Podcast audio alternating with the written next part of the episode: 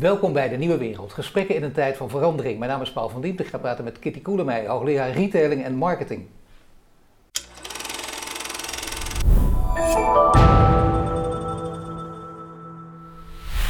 Dag Kitty. Dag Paul. En beter nog, marketing en retailing. Vind ik de betere volgorde, vind jij ook? hè? Ja, marketing is heel algemeen, generiek. En dat, eh, ja, dat is mijn achtergrond. En retailing, ja, dat is misschien wel de leukste sector die er is. Zeker.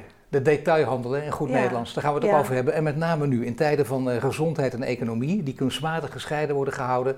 Eh, langzamerhand zie je het hek van de dam, ook bij kranten als Volkskrant en NRC. Heel lang ging het alleen over gezondheid. Maar nu Ja. krijgen ook de critici ruim het woord. Flink het woord, je zou bijna zeggen, het werd een keer tijd. Ze zijn wakker geschud. Het heeft even geduurd, maar ze zijn wakker geschud. En er komt dus gewoon weer een vrije discussie. Je kunt weer gewoon echt overal over praten en het moet ook. Maar hoe komt het nu dat, eh, dat er eh, zo weinig aandacht uiteindelijk nog steeds is bij het kabinet voor eh, de positie van de retailer? Want veel mensen zijn echt ten einde raad. Ja, dat klopt. Kijk, het belangrijkste adviesorgaan van het kabinet is het OMT. En het OMT heeft besloten dat het geen andere leden nodig heeft hè, uit andere sectoren, maar alleen medisch ja, en, en deskundig op het gebied van, van de pandemie en de, en de virussen. Virologen. Ja, en ehm, ja, wat je, wat je, ik, ik zal maar gelijk met de deur in huis vallen.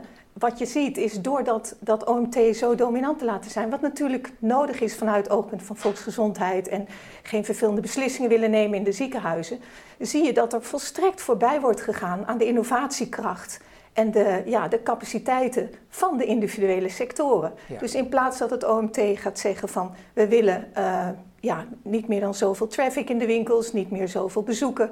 Retail, zoek het uit. Kom met een voorstel Precies. hoe je dat gaat doen. Want die winkeliers kunnen dat heel goed. Zeker de grote ketens zijn dolblij als ze dat mogen doen. Ze, ze betalen bij wijze van spreken eh, met elkaar eh, bewaking om ervoor te zorgen dat met name de winkelgebieden niet te druk worden. En zij zijn daar gewoon veel beter in. Ze Ja. zijn er heel erg goed in. En dat zie je ook weer met de vaccinaties. Maak gebruik van de expertise van anderen. En ga niet tot in detail voorschrijven hoe, een, eh, ja, hoe ondernemers zich moeten gedragen. Nou ja, langzamerhand komen er wel eh, een beetje beweging. Ook dit duurt ongelooflijk lang, maar ze kunnen niet anders. Want ja, wat denk je? Die virologen in op één, die daar steeds het kunstje mogen vertonen. En, en de andere kant wordt bijna niet aan het volk getoond, wat gek is. Ook dat begint een beetje te komen, maar ook veel te mondjesmaat. Wat dat betreft word je een beetje voor de gek gehouden. Omdat je maar echt eenzijdig wordt voorgelicht. Je wordt eenzijdig voorgelicht omdat alle aandacht dus is op het voorkomen van een ramp. Op het gebied van de volksgezondheid. We willen geen Engelse toestanden. We willen niet dat we mensen overlijden omdat er geen intensive care bedden meer zijn. Nou, maar van- zelfs vanuit medische hoek hoor je nu al de opmerking. Maar andere aandoeningen worden ook verwaarloosd. Het is eigenlijk Ja, een beetje die, is nou langzamerhand zelfs een NRC, ook vier Ja. intensivisten, de collega's Ja. van Gommers notabene, Ja. die zeggen dat is een veel grotere ramp die eraan zit te komen. Want Ja. deze mensen zijn, dat heeft ook met, met, met geestelijke nood te maken. Zeker. Maar ook andere mensen die niet aan bod komen. Eh, Dat hele verhaal wat eerst eh, aan tafel, zoals hier natuurlijk al lang verteld werd, en mensen die Ja. thuis ook met elkaar een beetje nadenken, weten het ook. Ja. Gek dat dat zo langzaam doordringt. Ja. En wel jammer ook, er is nu wel iets aan de hand zou je Ja, zeggen. dat komt door die monomane focus. Denk aan 9-11, toen er meer mensen, heel veel mensen stierven als gevolg van auto-ongeluk omdat de vliegtuigen niet mochten vliegen. Ja. Dat, dat zien we hier nu ook een beetje. Maar wat er ook is gebeurd, is dat dat overleg met die individuele sectoren zat muurvast. Ook met de retail. Nou begrijp ik dat er eh, binnenkort, eh, op zeer korte termijn, wel een overleg is. Maar Nee, je- vertel even. Hè? Vertel even. Nou, wat je dus ziet is dat er vanaf afgelopen dinsdag tot 2 maart geen persconferentie meer is. Dat betekent dat de maatregelen die zijn afgekondigd, waaronder een Ja. toch grotendeels on- onwerkbare klik- en collect eh, dat die een maand blijven bestaan, een week of vier. Nou schijnt er een overleg te zijn van de afvaardiging van de Raad Nederlandse Detailhandel met Rutte. Maar ja, wanneer krijgt dat zijn impact? Ik hoop snel, maar ik, ik, wij rekenen En wat er niet zouden ze op. willen? Wat, wat ligt er dan op tafel? Nou kijk, het idee van click en collect is natuurlijk heel erg mooi. Ook, dat heet ook wel curbside pick-up. In het buitenland wordt dat al heel veel, heel veel gedaan. Dat had in Nederland al weken geleden ingevoerd Ja. kunnen worden. En wat natuurlijk de extra regels van het OMT zijn, je mag niet binnen vier uur na je bestelling eh, je, je, je bestelling komen ophalen. En daarvoor heb je dan een timeslot van vijf minuten. Om funshoppen te voorkomen. Maar als jij natuurlijk iets nodig hebt, heb je het nu nodig. Eh, winkels, zeker de grote ketens, zijn vrij goed ingericht Ja. op click en collect. Het, het maakt natuurlijk ook nogal uit of jij op een eh, bouw, op een, eh, ja, op een, op een industrieterrein zit, hè, meer perifere locatie als winkelketen, hè, de woonboulevards, of je zit in een hartje centrum, je bent HEMA en je moet daar mensen laten ophalen. En we zien nu al dat er heel veel no-shows zijn. Dus heel veel mensen die bestellen, die komen dan toch niet op het, ja, op het timeslot. En straks met die, nu al met die, met die timeslots van vijf minuten, ja, dat, dat vraagt zoveel extra administratieve inspanning. Nee, ik merk ook als je met veel, uh, veel mensen uit detailhandel, detailhandel praat, die lachen het ook gewoon weg. Die zeggen, hou het toch op. Het is ook, het is wel, natuurlijk elk dingetje wat je brengt is iets, maar het is veel te klein. Het moet veel groter. Bovendien, uh, is er, komen, er worden hele goede andere ideeën aangedragen. Bijvoorbeeld, kom dan, uh, zeg, we hebben een grote winkel. klant A mag komen van 11 tot 12, klant B van 12 tot 1. Er zijn zoveel dingen te bedenken die beter zijn. Het is een beetje wereldvreemd wat hier wordt neergezet. Maar ja, logisch, er zitten alleen maar virologen en bepaalde meters in zo'n team. Ja. En die, die, die blijven maar aan het roer, ondanks alle kritiek. En dat gaat natuurlijk tot problemen leiden. Ja, maak gebruik van de innovatiekracht in sectoren, want die kunnen dat heel goed. In maart, april wist bijna niemand wat dit nou echt voorstelde. En ik kan me voorstellen dat je dan zegt, uh, wij nemen even de, helemaal de regie. Maar nu weet iedereen wel wat er aan de hand is. We weten ook dat er nog een derde golf kan komen. Dus je kunt heel goed de retail zelf, maar dat geldt ook voor de evenementen. En dat geldt ook voor, eigenlijk ook voor de horeca. Zeg gewoon, hè, regel het met elkaar, voldoen bepaalde voorwaarden. En uh, als het goed gaat, is het mooi. Als het niet goed is, ja, dan, dan weten we ook allemaal wat de sanctie is. Met die vaccins misschien ook wel kunnen doen bijvoorbeeld. Ja, niet alles, uh, maar uh, tot in detail willen regelen en wat ze continu doen. Maar ja, dat zijn ze gewend. Hè? Rutte ook al jarenlang met de regeerakkoorden alles helemaal dichtspijken. Dat is niet fijn natuurlijk. Maar wat ligt er op tafel? Want je begon over click en collect. Maar je zegt, ze gaan praten met Rutte. er wordt eindelijk geluisterd. Maar wat is dan het voorstel? Weet je daar meer van? Nou, wekenlang was het voorstel click en collect. Nee, natuurlijk. Want dat mocht maar niet en nu mag het wel, maar binnen bepaalde voorwaarden. En dat is, dat is um, ja, click en collect. Ik denk dat dat een heel goede, heel goede start is. Ik zou het niet willen framen als de retail is weer open. Het is iets heel kleins. Kom op, ja. dat zeg ik net. Het is echt iets heel kleins. Maar click en collect dan georganiseerd door de retail. Maar ook mensen binnenlaten in de winkels. De winkels open doen. Met inachtneming van alle hygiënemaatregelen. Met inachtneming van afstand. Met, en, en vooral, de besmettingen komen natuurlijk vooral door drukte in winkelgebieden. En daar, ja, daar, daar kan de retail samen ook heel erg goed. Ja, maar weet je wat het is? Kijk, ik merk het ook, heb je toch zelf ook, als je nu met mensen praat in winkels, je ziet ook in kranten van ik wil niet geciteerd worden, maar de praktijk bestaat toch al lang. Dus gewoon op de deur kloppen, je komt naar binnen, dan hoop je niet dat er zo'n rare boa staat die verder ook opeens zich veel groter en machtiger voelt dan die ooit in zijn leven zal zijn en misbruik maakt van die macht ook nog. Weet je, daar heb je geen zin in. Of dat precies de regels gaat volgen en doet wat er wordt opgelegd. Die, die is ook maar weer onderdeel van zo'n keten. Maar het is heel vervelend dat dat, dat, dat gebeurt. Ik bedoel, de praktijk is al een soort klik en collect. Er moet veel meer gebeuren. Het zijn niet van dit soort kleine dingen. Er ligt dus niet nu meer op tafel. Nee, ik denk, ik denk dat dat. Uh, ja, ik, ik, ik acht de kans klein dat we voor de Pasen open kunnen. Of dat retail voor de Pasen echt versoepelingen krijgt. wanneer is Pasen ook alweer? Uh, ik geloof uh, 5, 6 april. Zo. Rond die tijd. Maar wat je ziet is dat ondernemers zijn natuurlijk vindingrijk, dus die bedenken allerlei workarounds. Dus je ziet mensen met busjes rondrijden. Nee, dat gebeurt. Uh, ja. ja, interieuren, ja. Ja. dienstverlening doen. En uh, ja, dat, dat steekt natuurlijk ook. Ja, en dat, dat, is, dat is wat er gebeurt. En dat ja, is, oftewel, dat wat het kabinet wil gebeurt niet, want die wil de beweging tegenhouden. Ja, en dat is, ja, ik, ik, dat, dat is nogmaals het pleidooi om, om niet het OMT dat allemaal te laten beslissen, maar de contouren aan te geven van die besmettingsscenario's, wat is er nodig en dat te laten uitwerken en te laten communiceren door anderen. Nou ja, maar goed, het is in ieder geval gezondheid en economie, daar wordt er lang over gesproken. Nu eindelijk is wat breder, eindelijk is een, een beetje een normale discussie daarover. Dat wil zeggen een open discussie. En dan moeten beide partijen zich daarvoor openstellen. Dat is zeker waar. Van beide kanten. Gewoon ook, ook snappen dat je af en toe onzin vertelt. Maar dan kom je wel een paar stappen verder. Alleen, ik heb het idee dat het nog steeds heel lang en moeizaam gaat. En niet echt duurt en niet doordrukt. Want waarom zitten er bijvoorbeeld geen uh, psychologen, psychiaters, heel veel geestelijke nood bij die detailhandel? Come on. Uh, IMK, Ondernemend Nederland, Hans Biesheuvel, ook hier bij onze gast geweest. Die zeggen ook dat, dat ze echt een, een, noodloket moeten openen voor mensen om een, een geestelijke nood te lenigen. Zelf dat zijn niet zomaar verhaaltjes om de boel spannend te maken. Het gebeurt echt. Je zou zeggen dat die boodschap toch moet aankomen. Hè? Ja. Ja, dat ben ik helemaal met je eens. En dan zien we nu het begin. Hè? Want we zien, natuurlijk, we zien natuurlijk mensen die hoge nood hebben. Nu nog veel uitstel van de betalingen door de NOW. Zeker voor de kleine onderneming tegemoetkomen vaste lasten. Uitstel van belastingbetaling. Maar het moment van de waarheid komt toch. Hè? En iedereen zegt dat is zo rond mei, juni. Vakantiegelden, belastingen moeten toch betaald worden. En dat is natuurlijk ook het grote verschil als je macro-economisch kijkt. Je maakt overheidsschuld. De rente is laag, de overheid verdient zelfs aan de leningen die ze doen. Je kunt dat bijna oneindig uitstellen, zolang die inflatie maar laag blijft. Maar als kleine ondernemer en ook als grote ondernemer komt het moment dat je moet gaan betalen. En dan, ja, dat, dat zien mensen met angst en beven tegemoet. Dat leidt ook tot heel veel leed. Ik denk dat het, uh, ja, dat het kabinet toch bang is voor een derde golf, hè, die, die uh, zo in maart uh, zou komen. En ik denk dat de angst daarvoor de boel op slot houdt. Ook ja, als maar dan, ben je toch weer, dan, dan zie je niet wat voor andere angsten nee, er ook leven. Dan blijf je daar aan vasthouden. Klopt. Dat is bijna te gek voor woorden. Ik merk dus nu, je ziet in de, de medische wereld dus ook heel veel tegenkracht. Je ziet ook ja. uh, in herstel natuurlijk, uh, die flink hun best doen. Er zitten ook establishment-economen zijn daar vertegenwoordigd, ja. die daar de nek uitsteken, risico nemen. Wat ik, wat ik daar het lastige van vind, is dat zij willen oudere mensen isoleren, zwakkeren beschermen. Nou, dat is op, op grote schaal niet haalbaar. Die discussie is volgens mij al gevoerd.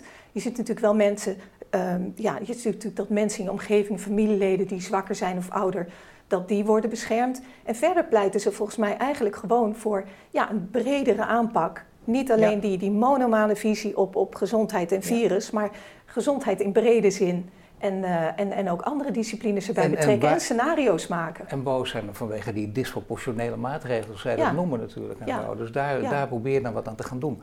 Nu is het uh, interessante wel, je zegt uh, let op, de klap gaat vallen. Inderdaad, de vakantiegelden, nou daar, doen, daar gaan MKB's ook creatief mee om door te zeggen, nou we gaan het vakantiegeld gespreid betalen. Dus het is misschien nog op te vangen, maar er komen nog veel andere dingen aan die niet zijn op te vangen. Daar ga je echt kopje onder en dan ben je niet omdat je slecht bent nee. en florisante zaken hebt. En dan krijg je, het gaat over veel nee. mensen. Hè? Heel veel mensen zetten een baan op het spel. Het gek is dan dat heel veel mensen uit, uh, heel veel economen die aan, aan, het woord komen, mensen uit, uit uh, de bankenwereld die zeggen, nou, als ik naar de cijfers kijk, nooit zo weinig faillissementen als ooit.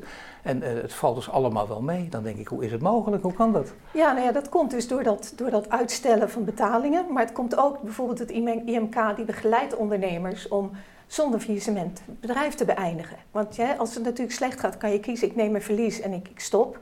Hè, als dat toch niet als, als speelde. Of je zegt, ik speel het spel door. En, en dan ik moet je transitievergoeding uh, betalen. Ja, en ik ga, ja, ik ga faillissement uh, aan. En dan moet je, nee, maar dat is dat je, om dat voor te zijn, ga je dus een faillissement ja. aan. Want anders moet je, uh, maar ja. dat betekent dus dat die, dat die economen en die banken die dat zeggen, ons een verkeerd beeld voorspiegelen. Want die hebben dus niet in de gaten dat inderdaad, nu lijkt het nog redelijk ja, in die, uit, uit die cijfers vanwege al die steun. Maar die zien dus niet wat er aan staat te komen. En wat nee, is de maatschappelijke gevolgen ook daarvan ja, zijn? die zijn enorm. Maar je ziet dus ook veel bedrijfsbeëindigingen al. Dat is juist wel ja. gestegen. He, mensen die denken, ik heb geen opvolger, ik stop nu maar. In plaats van de, de, de kosten verder te laten oplopen. Nee, maar dat, dat klopt, dat komt allemaal nog. Alleen als je dat macro-economisch bekijkt, dan zeg je van ja, daar zijn heel veel ondernemers en daar zit veerkracht. En die komen wel weer terug. En natuurlijk, als de huren dalen, er meer ruimte is in de winkelstraat, die toetredingsdrempels zijn vrij laag. Natuurlijk komen daar dan weer allerlei nieuwe initiatieven, horeca, retail, noem maar op.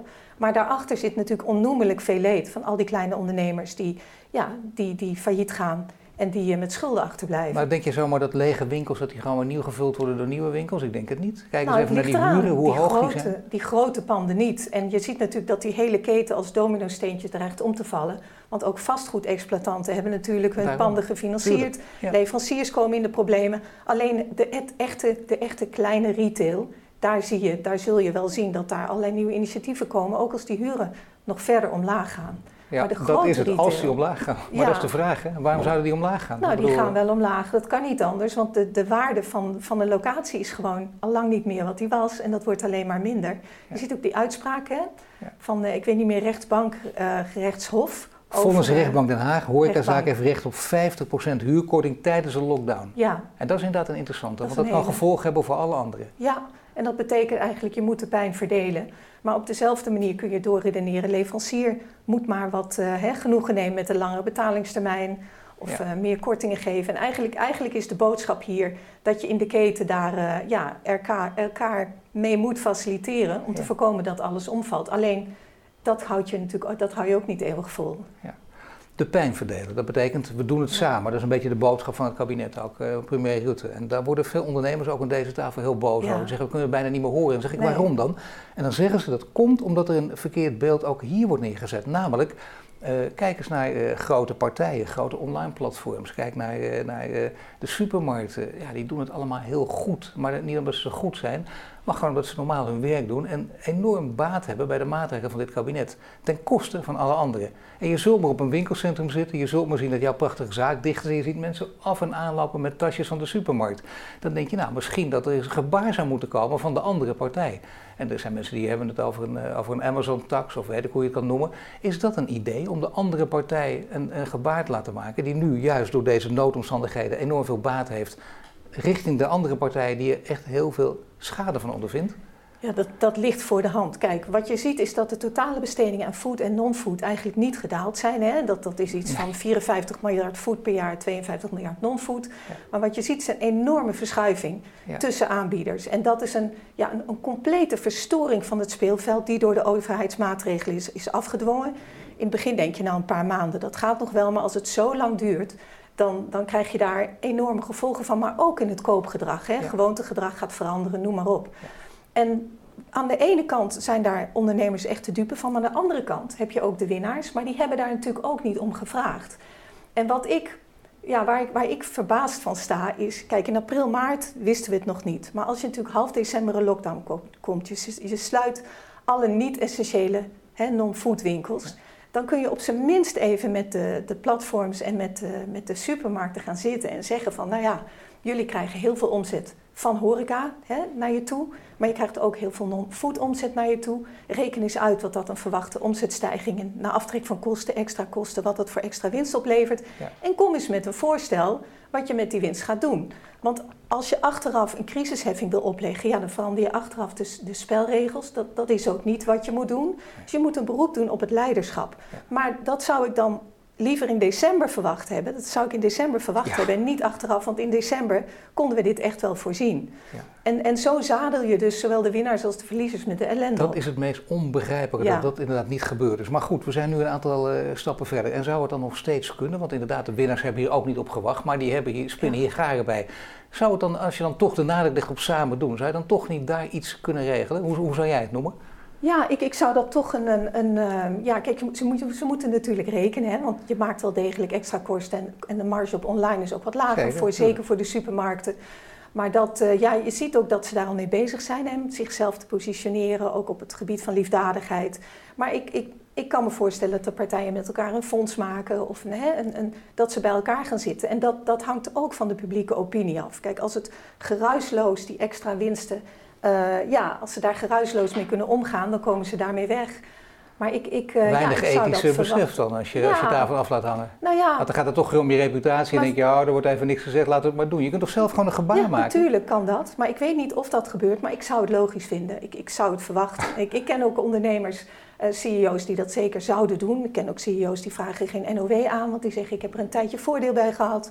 Dan ga ik niet, nu ik, hè, nu ik dicht moet, uh, ja, allerlei, allerlei steunmaatregelen aanvragen. Maar zo'n fonds, dat zou natuurlijk al iets zijn natuurlijk, hè, in het kader van samen doen. Hoe zou je zo'n fonds moeten noemen? Uh, ah, daar ben jij goed in. Zeker eh, als, als marketing gewoon voor jou een hele belangrijke, dan weet jij wel hoe je zo'n fonds gaat noemen. Ja, het Kitty nou, Koelemeijer fonds. Nou nee, ik denk niet dat dat impact krijgt. Nee, maar ik, je moet het positief noemen. Hè. Je kunt het de herstelfonds of, of, uh, of een innovatiefonds of dus, dus echt om, om te zorgen dat die retail zich, non-food retail zich, zichzelf beter gaat ontwikkelen. En als je dat goed doet, dan heb je daar ook als supermarkten en platformen heb je daar baat bij. Want platformen willen niets liever dan nog veel meer retail aanbieders aantrekken en ook merken. Dus zij willen dat. En dus dan, daarmee laat je zien hoe goed je voor ze bent. Uh, en, en als supermarkten krijg je dan ook een, een wat, meer, uh, ja, wat, wat meer stabiele positie. De platformen concurreren overigens wel hevig, hè, want Amazon is enorm opgekomen. Ja, heeft een, eh, een, groot aandeel inmiddels al in de non-food uh, uitgaven. Hè, dus daar, daar heb je dan ook nog die dynamiek. En die supermarkten staan wat dat betreft uh, wat, wat, op wat, wat veiliger gebied. Maar ik, ik zou dat, ja, dus je moet je natuurlijk voorstellen, ze zijn ook heel erg druk geweest met, met het organiseren hè, van, van alle drukte. En het is natuurlijk een enorme, enorme prestatie die ze neergezet hebben, zowel de platforms als de, als de supermarkten, ook met behulp van, van de verzenders zoals PostNL. Maar ik denk dat nu het moment wel is gekomen voor ze om eens te kijken van kunnen wij een, een gebaar maken? Kunnen we leiderschap tonen, maatschappelijke verantwoordelijkheid? Ja, want die lockdown die begint ons toch wel heel erg in ons voordeel te spelen. En heel erg in het nadeel van de anderen. Dus het is niet zo gek. En dan noemen we dat noemen, noemen maar, het innovatiefonds. Geen niet echt een mooie naam, maar iets, dan weten we ongeveer wat je ermee bedoelt. Dan is er nog iets, uh, dat is een soort microverhaal dit eigenlijk. Hè? Want een, een ander microverhaal is, en dat begint toch vrij groot te worden uh, ik kijk wel eens op LinkedIn, dat doe jij natuurlijk ook. En er staat een man die, die vaak ook hier aan tafel zit, Rick Moorman. En die, uh, die heeft een hele ja, een mooi ondernemer, familiebedrijf, uh, geprezen altijd. En dan opeens doe hij dat was een geweldig bedrijf, jaar geleden ook nog. Hij liep fluitend door de straten. En opeens is het voorbij, want totaal tegen zijn schuld. En hij zegt, wacht even, er worden de maatregelen genomen. Als die nou genomen worden en het is, het is geen mistige communicatie, dan heb ik daar vrede mee, ik zal wel moeten. Hij plaatst een bericht en uh, dat was een stevig bericht. Hij zegt dat is de onzichtbare doodsteek voor de retail. En dat, uh, dat kreeg abnormaal veel reacties. Dat, dat LinkedIn ontploft. Dus als je dat eigenlijk zelden ziet. Mensen reageerden erop en heel veel, uh, blijkbaar detailhandelaren, heel veel mensen uit de retail hebben dat herkend. En het komt er kort op neer dat je de toevoeging, of de TVL, toevoeging vaste, heet het, toevoeging vaste lasten. Tegemoetkoming. Tegemoetkoming vaste lasten. Dat die tegemoetkoming beloofd is in, in enorme aantallen. Maar die tegemoetkoming blijkt eerst, hebben ze niet gezegd, hè, goedgekeurd moet worden door de Europese ja. Commissie. Dat moet heel snel gaan en in zijn geval gaat het om 18.000 tegemoetkoming vaste lasten of 96.000. Een enorm verschil. En het moet ook nog snel gaan. Dus ambtenaren die het horen, die zeggen, ja snel, uh, wacht even, wij moeten al hard werken, we willen niet te hard werken. Om er even het zo karikaturaal en stevig mogelijk neer te zetten. En het moet snel gaan, dus je kunt je niet zeggen, oh dat komt wel goed. Hier is echt iets aan de hand. Dit gaat er namelijk echt om, dan moet je begrijpen wat ondernemen is. Als dit niet binnen een week geregeld is, dan is het het laatste zetje voor die mensen. Wat vind je daarvan? Ja. Ja, dat is, dat is het, het, uh, het contrast tussen de regelgeving en dan vooral de Europese regelgeving. Uh, ja, ja dat, dat, dat is natuurlijk volgens mij ook met de NOW, hè, 85% in plaats van 70%. Ja, volgens mij stuit dat ook op Europees bezwaar. Ja, en dan moet je daar als overheid in faciliteren. Dan moet je gewoon zeggen, wij handelen die Europese uh, regelgeving wel af. En we helpen nu de ondernemers en we kijken wel wat, uh, wat daarvan komt. Ik Want je hebt je ze wel niet, beloofd dat je dit ja. doet. En je hebt wel voor de Kamer kunnen zeggen, kijk eens ja. even hoe ruimhartig we zijn. Maar nee, dat ben je niet. Want, want, je kunt moeilijk zeggen als politicus, oh ik wist niet dat die Europese regelgeving bestond. Ja. Maar hoe kun je zorgen dat het ook snel gaat? Bij die ambtenaren dus met letterlijk, letterlijk echt een... Uh, ja, maar diezelfde vraag geldt voor vaccinatie. Hè? Hoe kan je zorgen dat het snel gaat? Nou ja, maar hier gaat het ja. ook. Maar hier gaat het even, tuurlijk, ja, maar hier nee, gaat het even moet, letterlijk omdat het, het uh, binnen. Nemen. Je kunt niet zeggen, oh, dat doen we volgende maand wel. Nee, dat kan niet. Nee. Dat, is, dat is een andere manier van denken. Ja, je moet het besluit nemen dat je gewoon de, de betaling doet en achteraf uh, dat in orde gaat maken. En het is natuurlijk ook pijnlijk. Ik, ik heb Riek Moorman ook gezien, ook bij jou aan tafel. Een zeer trotse, succesvolle ja, ondernemer. Ja. En uh, ja, dat, dat is, hij, hij staat daar model voor. Ja. En het is natuurlijk uh, ja, het is, het is, het is, het is heel, heel pijnlijk om te zien dat, dat buiten zijn schuld heeft niets met ondernemerschap te maken. Uh, de bodem ja, het viel mij op omdat het, dat, het ook her, dat het ook herkend werd door heel veel ja, anderen. Dus dat betekent dat heel veel, heel veel mensen ja. hiermee te maken hebben. Het is niet zomaar een klein puntje, daar gaat het eigenlijk om. Maar dat is denk ik toch ook, de overheid is vooral toch ook macro-economisch bezig, bedrijfseconomisch, maar dan toch op een hoger abstractieniveau.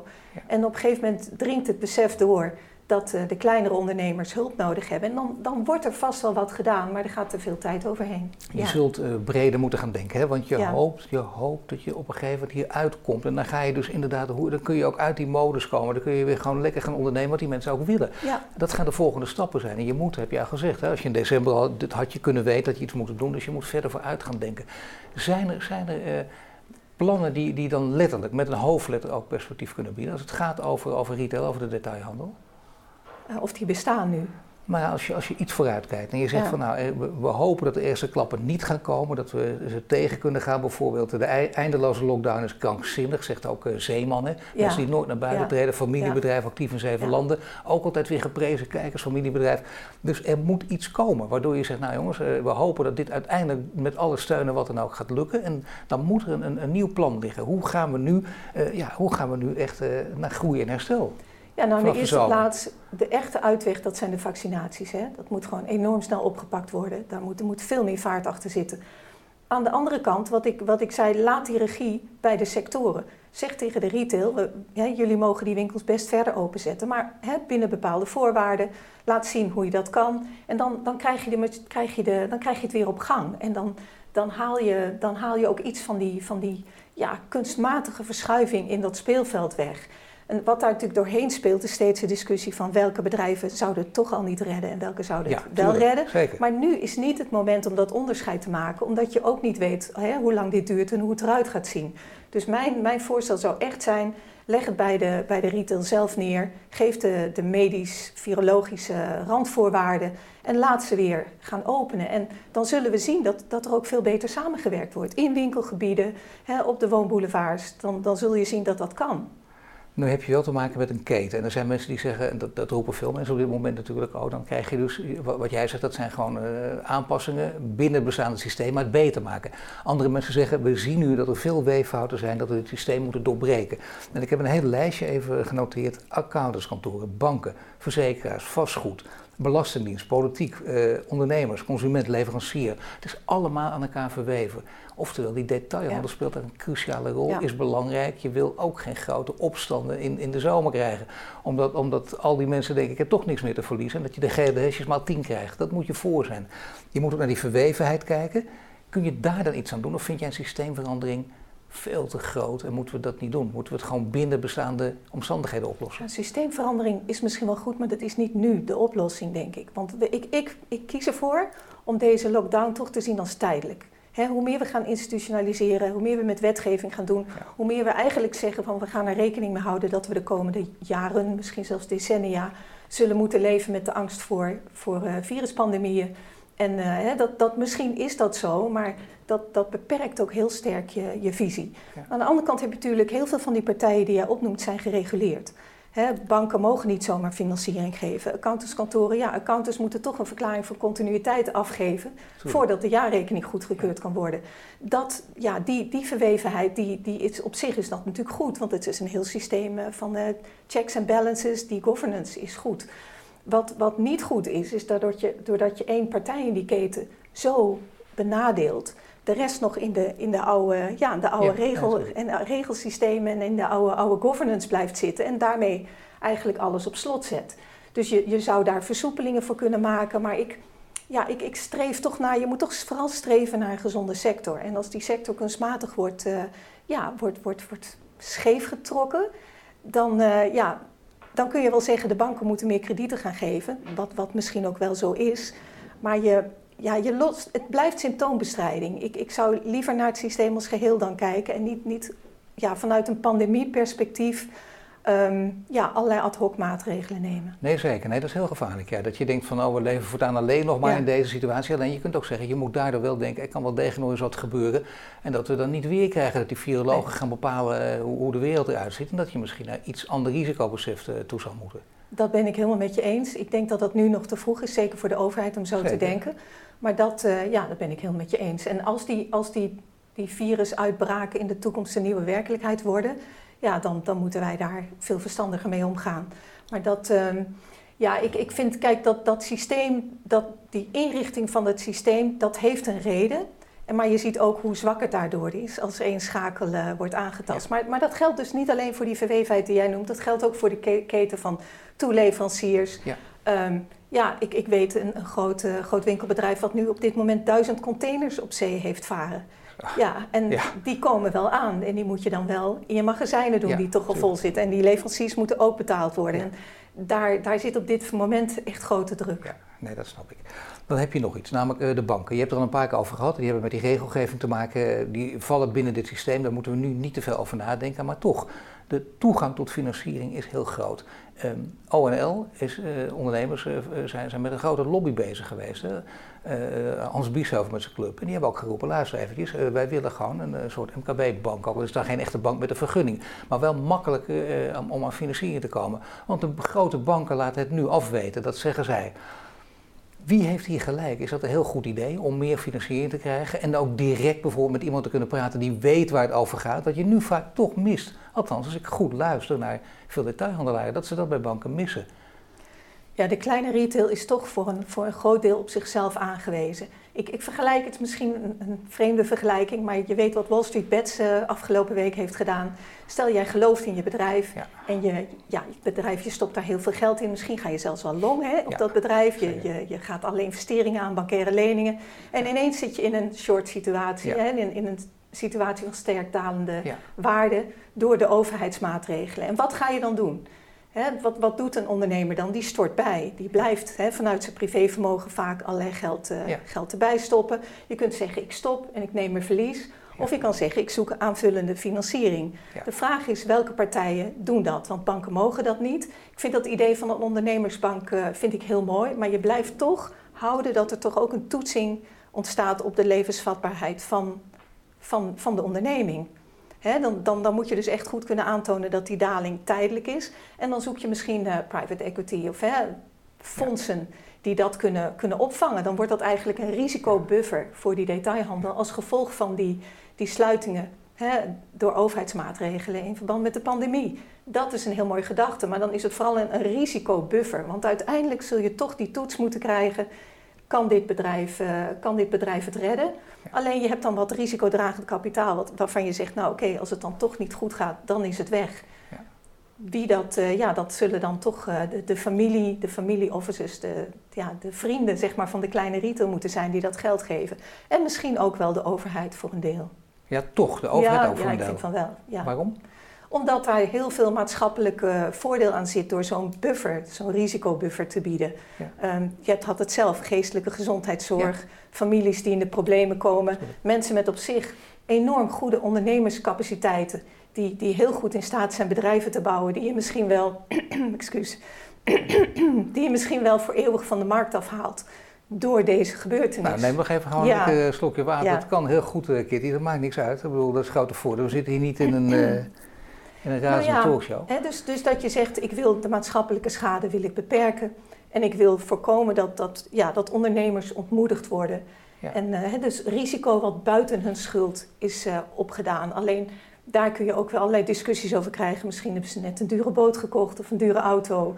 En dan is het natuurlijk, hè, dan, ik, ik zie de discussies al komen. Ja. Maar het is maatschappelijk, is het waard. Dan kunnen we even kijken naar uh, de grote bedrijven. Want speelt ook iets anders. Uh, ik heb het net gehad over ja, wat er maatschappelijk speelt.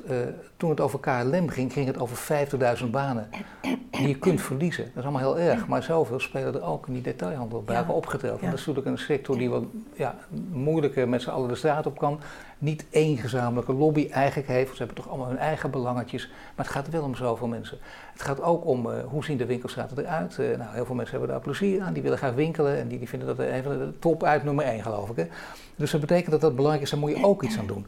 Uh, daar tegenover staat, uh, ja, we hebben, niet alleen we hebben dus niet alleen die grote bedrijven, maar we hebben ook deze kleine bedrijven die, waar enorme maatschappelijke onrust kan ontstaan, waar echt problemen, gigantische problemen ontstaan als al die mensen uh, dadelijk op straat staan. Dus wordt er door het kabinet of wordt er door anderen ook op deze manier over nagedacht? Dat je daarom iets moet doen, niet alleen KLM redden, maar ook de detailhandel redden? Ja, ik denk dat dat besef er wel is, Paul.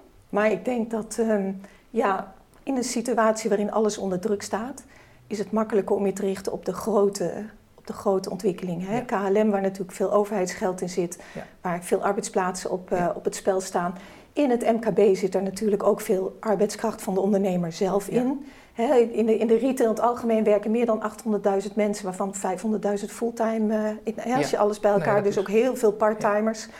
En uh, ja, het is natuurlijk heel lastig om, om te, te organiseren dat dat, uh, ja, het, het, effect daarvan is veel minder als je je richt op de kleine ondernemer. Ja. Dus ik, vanuit de druk waaronder de politiek nu staat, begrijp ik dat ze zich met name op de grote partijen richten. Anderzijds klagen natuurlijk de grote ketens ook, hè, want die tegemoetkoming vaste lasten is voor hen veel en veel te laag. Ja. Hè, zij zeggen juist, er is veel meer aandacht voor het MKB en de regels zijn ook veel beter voor, voor het MKB dan voor de grote ketens.